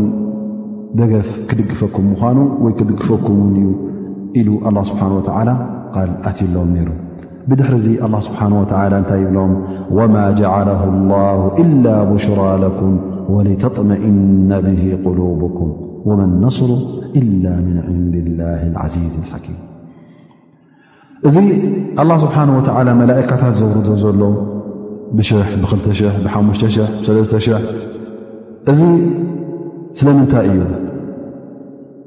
ገና ከይወረዱ ከለዉ ውን ስለምንታይ ከምዚ መላእካ ከውርድ የምሳኹም ዝብለኩም ዘሎ ኣላ ስለምንታይ እዩ ኣይ ኣን ላ ስብሓን ወላ ብዛዕባ ዝነግረኩም ዘሎ ዝነገረኩምን ምእንቲ ብዝያዳ ብስራት ንክኾነኩም ብዝያዳ ድማ ኣብቲ ዓውዶ ኺናት ቀጥ ክትብሉ ልብኹም ቀጥ ንኽብል እጥሚናን ንኽትረኽቡ ርግኣት ንኽትረኽቡ እዩ ደኣ እምበር ኣላ ስብሓን ወተዓላ ብዘይ ብኦም እውን ከዕውተኩም ይኽእል እዩ እቲ ዓወት እቶም መላእካ ዘምፅኦ እውን ኣይምሰልኩም ኩሉ ግዜ ንኣብነት ሕጂ ምናልባሽ ትብል እተ መላእካ ዘይወርዱ ኮይኖም ስለምንታይ ክንዕወት ኣይንኽእል ኢልካ ብ ደውገይ ትብል ማለት እዩ ስለዚ ኣላ ስብሓን ወተዓላ እወ ኣብ ኩናት እሑድ መላእካ ወይዱ ብመላእካ ዓዊትዎም እሞ ድሕሪ ሕጂ እውን ኩሉ ግዜ መላእካ ከይትፅበ ግዴታ መላእካ ክወርዱ ኣለዎም እሞ ንክንዕወት ንኸይትብል ላ ስብሓን ወላ ተዓወት ብሓንቲ ቃል ናቱ በታ ኩን ፈይኹን ከም ምዃና የዘኻኽሮም ኣሎ ማለት እዩ ወማ ጀዓላ ላ ኢላ ብሽራ ለኩም ወሊተጥመእና ብሂ ቁሉብኩም ምእንቲ ንዓኹም ቅሩብ ዝግ ንኽትብሉን ፍርሃትኩምን ዝግ ንኽብል ከምኡውን እጥሚናን ንኽትረኽቡ ከምኡውን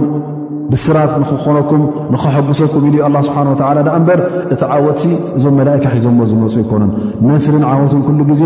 ምስ ኣላ ስብሓን ወተላ እዩ ዘለዎ መን ነስሩ ኢልና ምን ዕንዲላ ኣላ ስብሓን ወተላ እዩ ዝዐውተኩም ስለዚ ብዘይ ዚ መላእካ ብዘይ ብዝሒ ሰራዊት ብዘይ ዝኾነ ይኹን ኣፅዋር እውን ኣላ ስብሓን ወተዓላ ክዕውተኩም ከም ዝኽእል ክትርስዑ ይህብልኩምን ኢሉ ኣላ ስብሓን ወተዓላ የዘኻኽሮም ወመ ነስሩ ኢላ ምን ዕንድ ላ ዓዚዝ ሓኪም ኣላ ስብሓን ወተዓላ እሱ ዩ ተዕዙዝ ፍፁም ሰዓሪ ንኡ ዝስዕር ሰብ ዝስዕር ፍጡር የለን ከምኡ ውን እሱ ኣላ ስብሓን ወተዓላ እሱ ዩ እቲ በዓል ጥበብ እሱ ዩ እቲ ጥበበኛ እንታይ እዩ ንዓኹም ዝጠቅምን ንዓኹም ዘይጠቅምን መዓስከ ይዐውተኩም መዓስከ ጉድኣት የውርደልኩም ስለምንታይ ከትዕወቱ እዚ ኩሉ ኣላ ስብሓን ወተዓላ ዝገብሮ ብጥበብ እዩ ምናልባሽ እንተ ደኣ ኣብ ኩናት በድር ዓብዪ ዓወት ተኻይዱ ኣብ ኩናት ውሕት ተረካቡ እውን ኣላ ስብሓን ወተዓላ ብጥበቡ እዩ ገይርዎ ማለት እዩ ምእንቲ ክትመሃሩ ምእንቲ እቲ ዓወት ኩሉ ግዜ ብብዝሒ ሰራዊት ከም ዘይመፅእ ንክትፈልጡ ከምኡ ውን ግዴታ መላእካ ክህልዉ ከምኡ ውን እቲ ጣዓት ላህን እቲ ንኣላ ስብሓን ወላ ምምእዛዝን ንነቢና ሓመድ ስ ሰለም ምምእዛዙን ኣድላይ ከም ምኳኑ ፅንዓትን ሰብርን እውን ኣብ ዓውዲ ኩናት ኣድላይ ከም ምኳኑ እዚ ኩሉ ንክትመሃሩ ኢሉ ኣላ ስብሓን ወላ በቲ ናቱ ሕክማ በቲ ናቱ ጥበብን ዝገበሮ እዩ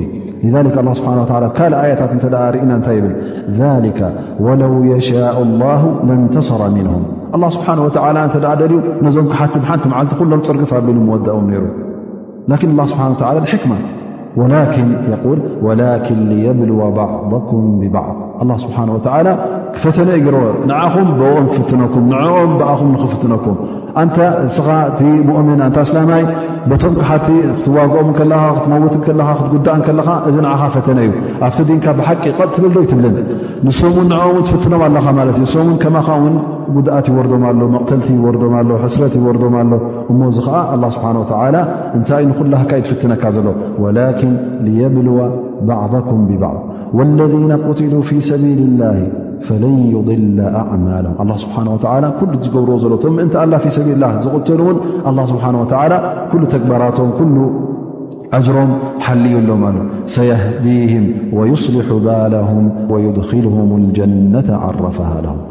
እዞም ሰባት እዚኦም ኣላ ስብሓን ወተላ እቶም ምእንቲ ኣላ ስብሓን ወላ ኣብ ሰቢልላ ኢሎም ዝሞቱ እዞም ሰባት እዚኦም ኣላ ስብሓን ወላ ኩሉ ግዜ መገዲ ሓቅን መገዲ ቕንዕና ንተትሕዞም እዩ ኣብ መጨረሻ እውን እዞም ሰባት እዚኦም ኣብታ ጀና እዩ ክእትዎም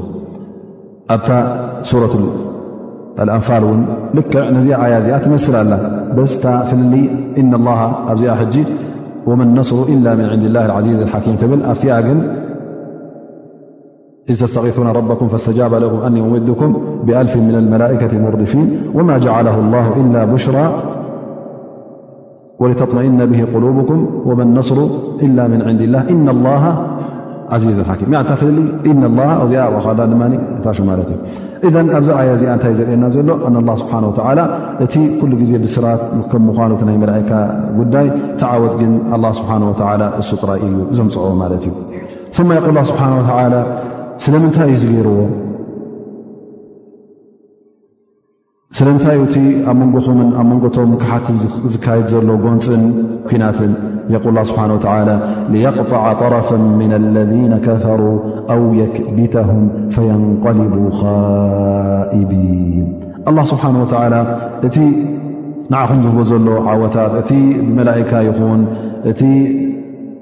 ብኣኹም ኮይኑ እቲ ብሰራዊትኩም ኮይኑ ዝግበር ዘሎ ዓወታት እዚ ምእንቲ ምንታይ እዩ ኢሉ ኣላ ስብሓን ወተዓላ የቅጣዓ ጠረፈ ምና ለذነ ከፈሩ ማለት በቲ ጅሃድን በቲ ትገብርዎ ዘለኹምን እቲ ሕክማናቱ ነቶም ክሓቲ ንዕኦም ንኸጥፍእን ንዕኦም ንኸህልክን ከምኡ ውን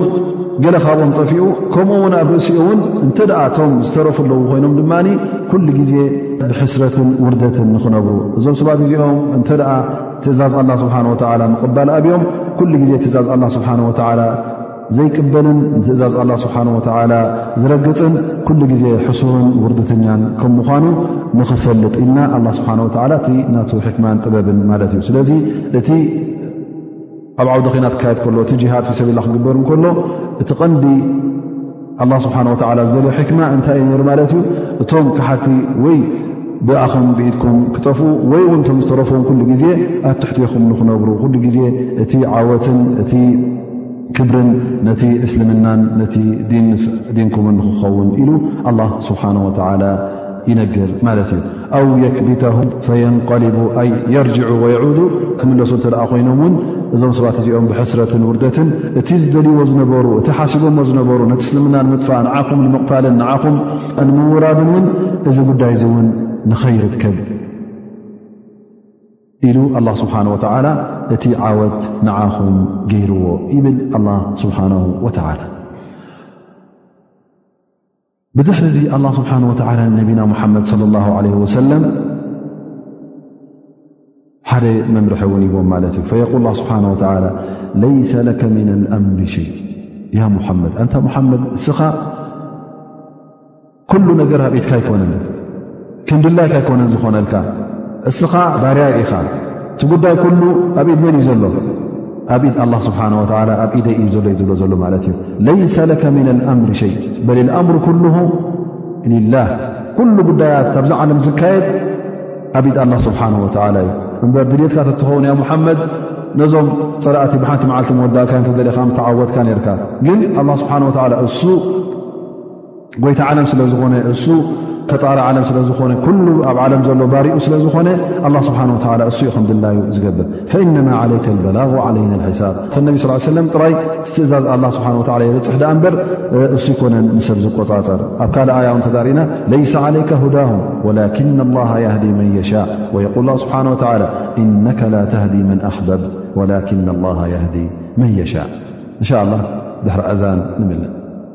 ኣላ ስብሓን ወተላ ነቢና ሙሓመድ ለ ላ ለ ወሰለም ለይሰ ለከ ምን ኣልኣምር ሸይ እናበለ ማለት እስኻ ትገብሮ ነገር የብልካን ጠቢጥካ ትውንኖ ነገር የለን ኩሉ ኣብ ኣላ ስብሓ ወላ እዩ ኣላ ስብሓ ወ እዩ ዝውንኖ ኣላ ስብሓ ወላ ዝወሰኑ ጥራይ እዩ ዝኸውን እስኻ ግን ኣዘዝኩኻ ጥራይ ግበር ኢሉ ንነቢና ሙሓመድ ለ ላ ለ ወሰለም መብርህ ይዎ ለይሰ ለከ ምን ኣልኣምር ሸይኡን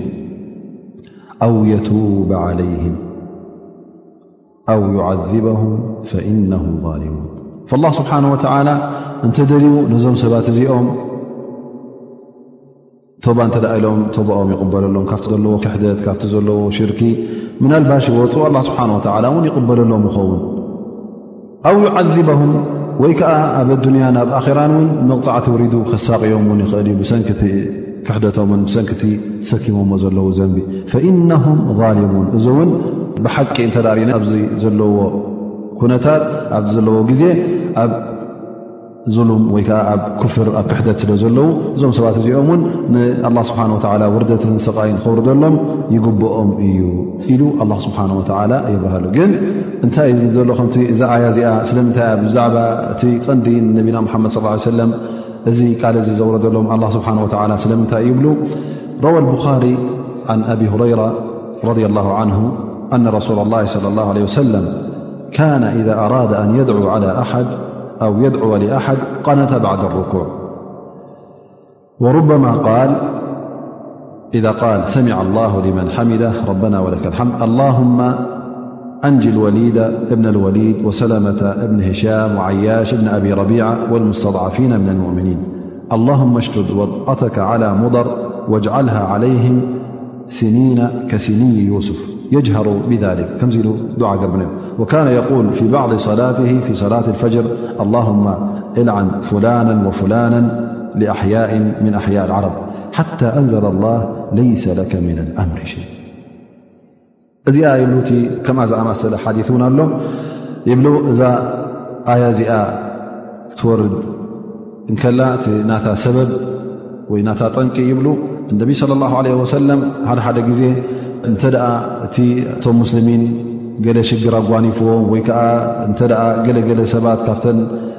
ቐባኢል ናይ ዓረብ እንተ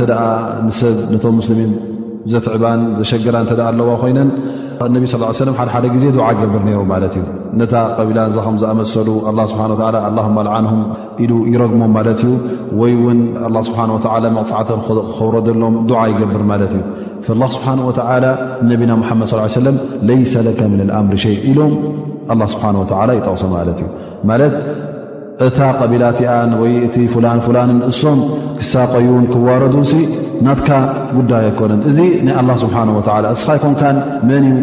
ዝሳቀ መን እዩ ኣላ ስብሓን ወላ ዝዕዝቦን ዝሳቅዮን መን ዩ ኣላ ስብሓን ወላ ጀና ዘእትዎን እስኻ ይኮንካ ትፈላሊ እዚ ጉዳይ እዚ ናይ ኣላ ስብሓን ወላ እስኻ ጥራይቲ ዳዕዋኻ ኣካይድ ኢሉ ኣላ ስብሓን ወላ ንነቢና ሙሓመድ ስ ሰለም ሓበሬታ ዝሃቦም እዩ ይበሃል وقيل أنسبب نزول هذه الآية أن النبي صلى الله عليه وسلم فيهم أحد تم مشركين مسهرموا دمو مسول كجنبارو فقال النبي صلى اله عليه وسلم كيف يفلح قوم شجوا نبيهم أو في رواية أخرى كيف يفلح قوم فعلوا هذا بنبيهم وهو يدعوهم إلى ربهم عز وجل ኢሉ ምስ ተዛረበ ኣላ ስብሓን ወተላ ለይሰ ለከ ምና ኣምሪ ሸይን ኣው የቱብ ዓለይህም ኣው ዩዓذቦም ፈኢነም ظሊሙን ኢሉ ኣላ ስብሓን ወተላ ነዚ ኣያ እዚኣ ኣውሪዱ ይብል ምኽንያቱ እነቢ ስ ሰለም እዚ ኢሎም ተዛሪቦም ኣብቲ መዓልቲ እቲ ርእሶም ወይ ከዓብ ግንባሮም ምስተሃረሙ ደም ምስ ወፁ ኣላ ሲ ነዞም ነብዮም ከምዚ ዝኣመሰለ ማህረምቲ ዝሃረሙ እሞ ኣብ ግንባሩ ዝፈግእዎስ ከመይ ገይሩ ኣላ ስብሓን ወተላ ንመገዲ ሓቂ ክሃድዮም እዞም ሰባት እዚኦም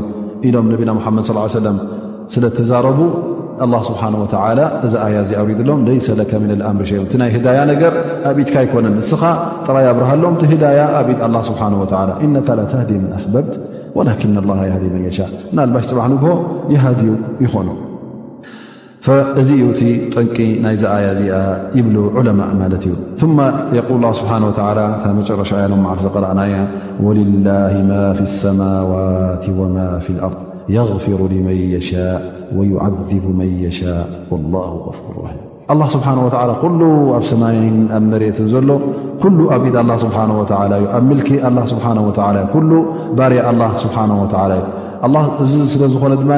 ንዝደለዮ ሰብ ነቲ እከይ ዝፈፀመ ነቲ ዘንቢ ዝገበረ ሰብ ኣነቢ ስ ሰለም ንገሊኡ ይቕፍረሉ ይምሕሮ ንገሊኡ ድማ በቲ ዝገበሮ ዘንብን በቲ ዝገበሮ ጌጋን በቲ ዝገበሮ ወንጀልን ድማ ኣላ ስብሓን ወተዓላ የሳቅዮን ይቐፅዖን ኣላህ ስብሓን ወተዓላ እሱ ዩ ድላ እዩ ዝገብር ፈፂሙ ካልእ ዝገብር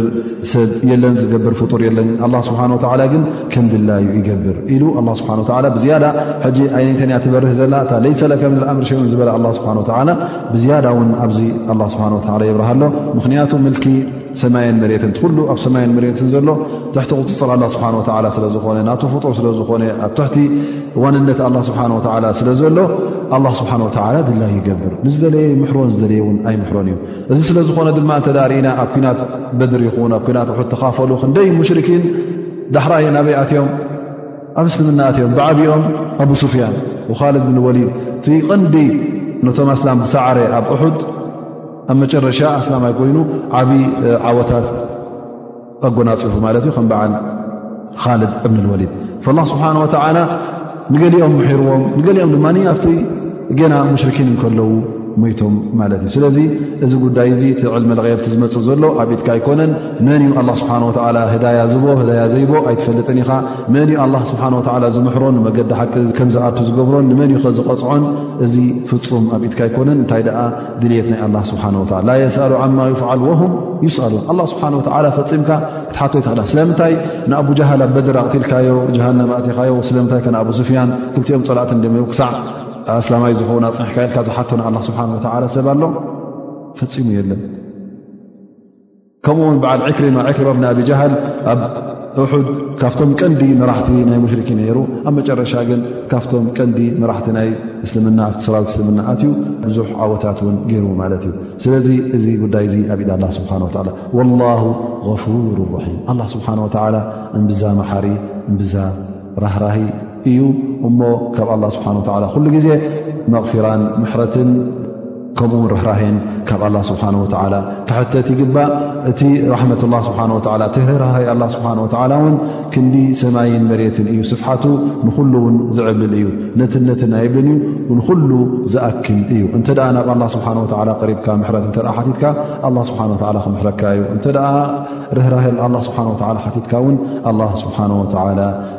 ክረረሃልካ እዩ ናይ ሎሚ ደርስና በዚ ድምደም ከምቲ ልምድና ድማ እንሻ ላ እተን ሎም መዓልቲ ዝሓዝናየን ፍሬታት ብብሓደ እንተጠቐስናየን ዝያዳ ነቲ ዝሰማዕናዮ መዘኻኸሪ ይኾነና ማለት እዩ ፈል ባረከ ላ ፊክ እዛ ከላ ኸ እቲ ዓባይ ደርሲ ሎም መዓልቲ ዝሓዝናያ እቲ ዓወት ኩሉ ግዜ ካብ ኣላ ስብሓን ወተዓላ ከም ምዃኑ ብዝሒ ሰራዊት ኣይጠቅም ብዝሒ ናውቲ ኣይጠቅም ወላ እውን እቶም መላእካ ኣላ ስብሓን ወላ ዘውርዶም እሶም ተዓወቱን ኣብ ኢዶም ከም ዘይኮነ ግን ኣብ ኢድ ኣላ ስብሓን ወላ ከም ምኳኑ ስለዚ ኩሉ ግዜ እተ ዓወት ክትሓትት ኮንካ እንተ ዓወት ትጎናፀፍ ዘሊኻ ናብ ኣላ ስብሓ ወ ካብ ኣላ ስብሓ ወ ክትሓቶ ኣለካ ካብ ኣ ስብሓ ወ ክትጠልቦ ኣለካ እቲ ቐንዲ ንዓወት ዝሕግዝ ድማኒ እንታይ እዩ ኣተቕዋ ዋ ሰብርን ተቕዋን ማለት እዩ እታ ሰብሪ እታ ፅንዓትን እታ ተቕዋን ፍርሃት ረብን እተ ኣለዋ ድማ እዚአን ድማ ብዝያዳ ኣፍቲ ዓወት የእትዋኻ ማለት እዩ ና ባረከና ፊ እዋ እቲ ቐንዲ ነቶም ኣስላም ከስዕሮም ዝኸኣለ ኣብ ኩናት እሑድ እቲ ኣነቢ ስለ ላ ለ ወሰለም ኣዚዞም ነበሩ ትእዛዝ ንዕኡ ስለ ዘዕበርዎ ነቲ ትእዛዝ ስለ ዘየኽበሩ ሓምሳ ኣብታ ታባ ኮፍ ኢሎም ኣብኣ ኮይኖም ክከላኸሉ ተኣዚዞም ዝነበሩ እሶም ትእዛዙ ስለ ዘዕበሩ እቲ ስዕረት ውን ክወድቕ ክኢሉ ማለት እዩ እንሻ ላ እዚ እውን ክመፅእ እዩ ማለት እዩ ኣብዛ ሱራ እዚኣ ኣሎ ማለት እዩ ኣወለማ ኣሳበትኩም ሙሲበት ድ ኣሰብቱም ምለይሃ ቁልቱም ኣና ሃ ል ዋ ምን ዕንዲ ኣንፍሲኩም እንሻ ላ ክመፀና እዩ ማለት እዩ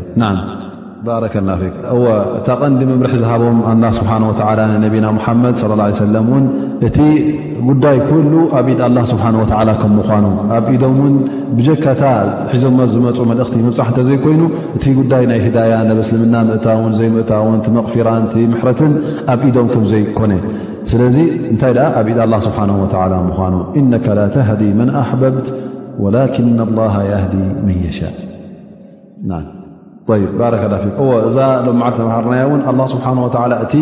ኣብቶም ኣስሓብ ነቢ ስለ ላ ለ ሰለም ዘውረዶ ገለገለ ጉድኣት እውን ምእንቲ ምንታይ እዩ ነይሩ እታይ ከም እብትላ ከም ፈተነ እዩ ነይሩ መን እዩ እቲ በዓል ሓቂ ኢማንን መን እዩ ከቲ ላንጋላንጋ ዘሎን እሶም ንክፍለጡን ንክኸሸፉን ንክፃረዩን ኢሉ ዝገበሮ ብሕክማናቱ ከም ምኳኑ ሎም መዓልቲ እዚኣ ሒዝና ኣለና ባረከ ላ ፊክ ግን እዚኣ ዳርጋ ኢሎም ኣምላክ ዎ ትእዛዛት ኣላ ስብሓን ወላ ዝገድፍ ኩሉ ግዜ ፈሸል ከም ዘጓንፎ ከም ዝፈሽልን ሎ መዓልቲ እውን እዚኣ ውሲድና ኣለና ባረከ ላ ፊክ እዎ ኣብዚ እውን ሕጂ እንታይ ርኢና ማለት እዩ እቲ መርገፂ ናይ ሙናቅፍቂን ኩሉ ግዜ ከመይ ከም ምኳኑ ኣነቢይ ስለ ላ ለ ሰለም ኣብዛ ሎ መዓልቲ ዝውሰድናዮ ደርሲ እውን በሪህሎም ማለት እዩ ኣ ስብሓን ወላ እውን ኣብሪህልና ማለት እዩ ወይ ከዓ ኣብቲ ኩናት ሑድ ዝገበርዎ መግዳዕቲ ማለት እዩ ትከር ወደሽ ባረክላ የደግም ኣሎ ማለት እዩ ማለት ኣብዚ ልምዓድ ተምሃርናዮ ደርሲ ድማ እቶም መንእሰያት ኣብቲ ግዜ ነቢና ሓመድ ለ ላ ሰለም ዝነበሩ እውን እቲ ናይ ቃልሲ እቲ ናይ ጅሃድ እውን ክሳዕ ክንደይ ይፈትዎ ከም ዝነበሩ ክሳዕ ክንደይ ይደልዎ ከም ዝነበሩ ናብዚ ቃልሲ እዚ ናብዚ ጅሃዝን ምክፋል እውን ብዝከኣሎም መጠን ብዝከኣሎም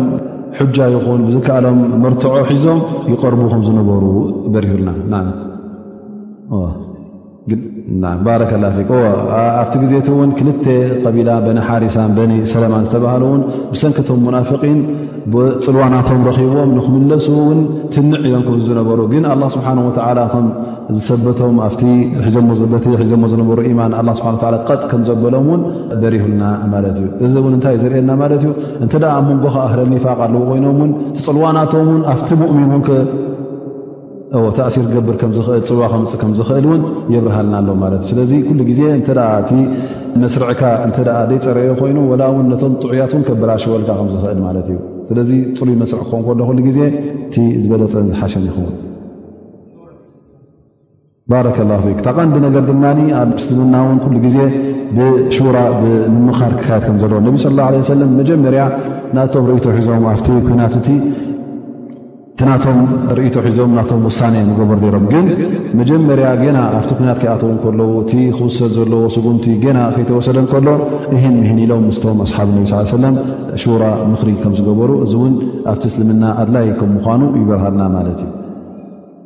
ፅናሕ ባቶም ዘይጣዓሙ ክጥዑም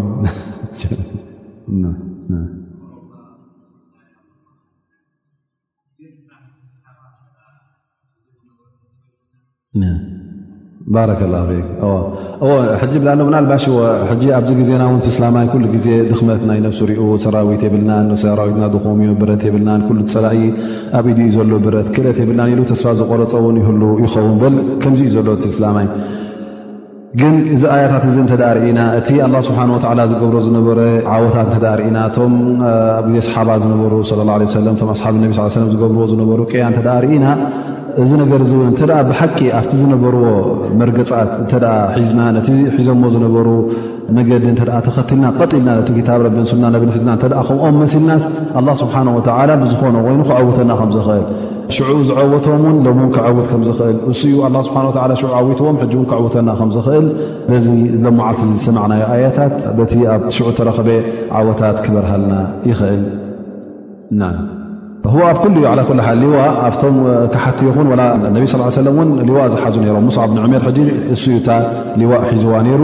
ስለዚ ኣብቲ ግዜ እቲ ብሊዋ እዩ ነሩ እቲ ኩናት ወላ ውን ምስቶም ወገን ኣስላም ኮይኑ ላ ውን ምስቶም ወገን ሙሽርኪን እውን ቲ ሊዋ ዝሓዘ ኣገዳሲ ከም ዝነበረ እሱ እተ ወዲቑ እሱ ተሳዒሩ ኩሉ ግዜ እቲ ሰራዊት ይበታተን ከም ዝነበረ እዩ ዝበርሃልና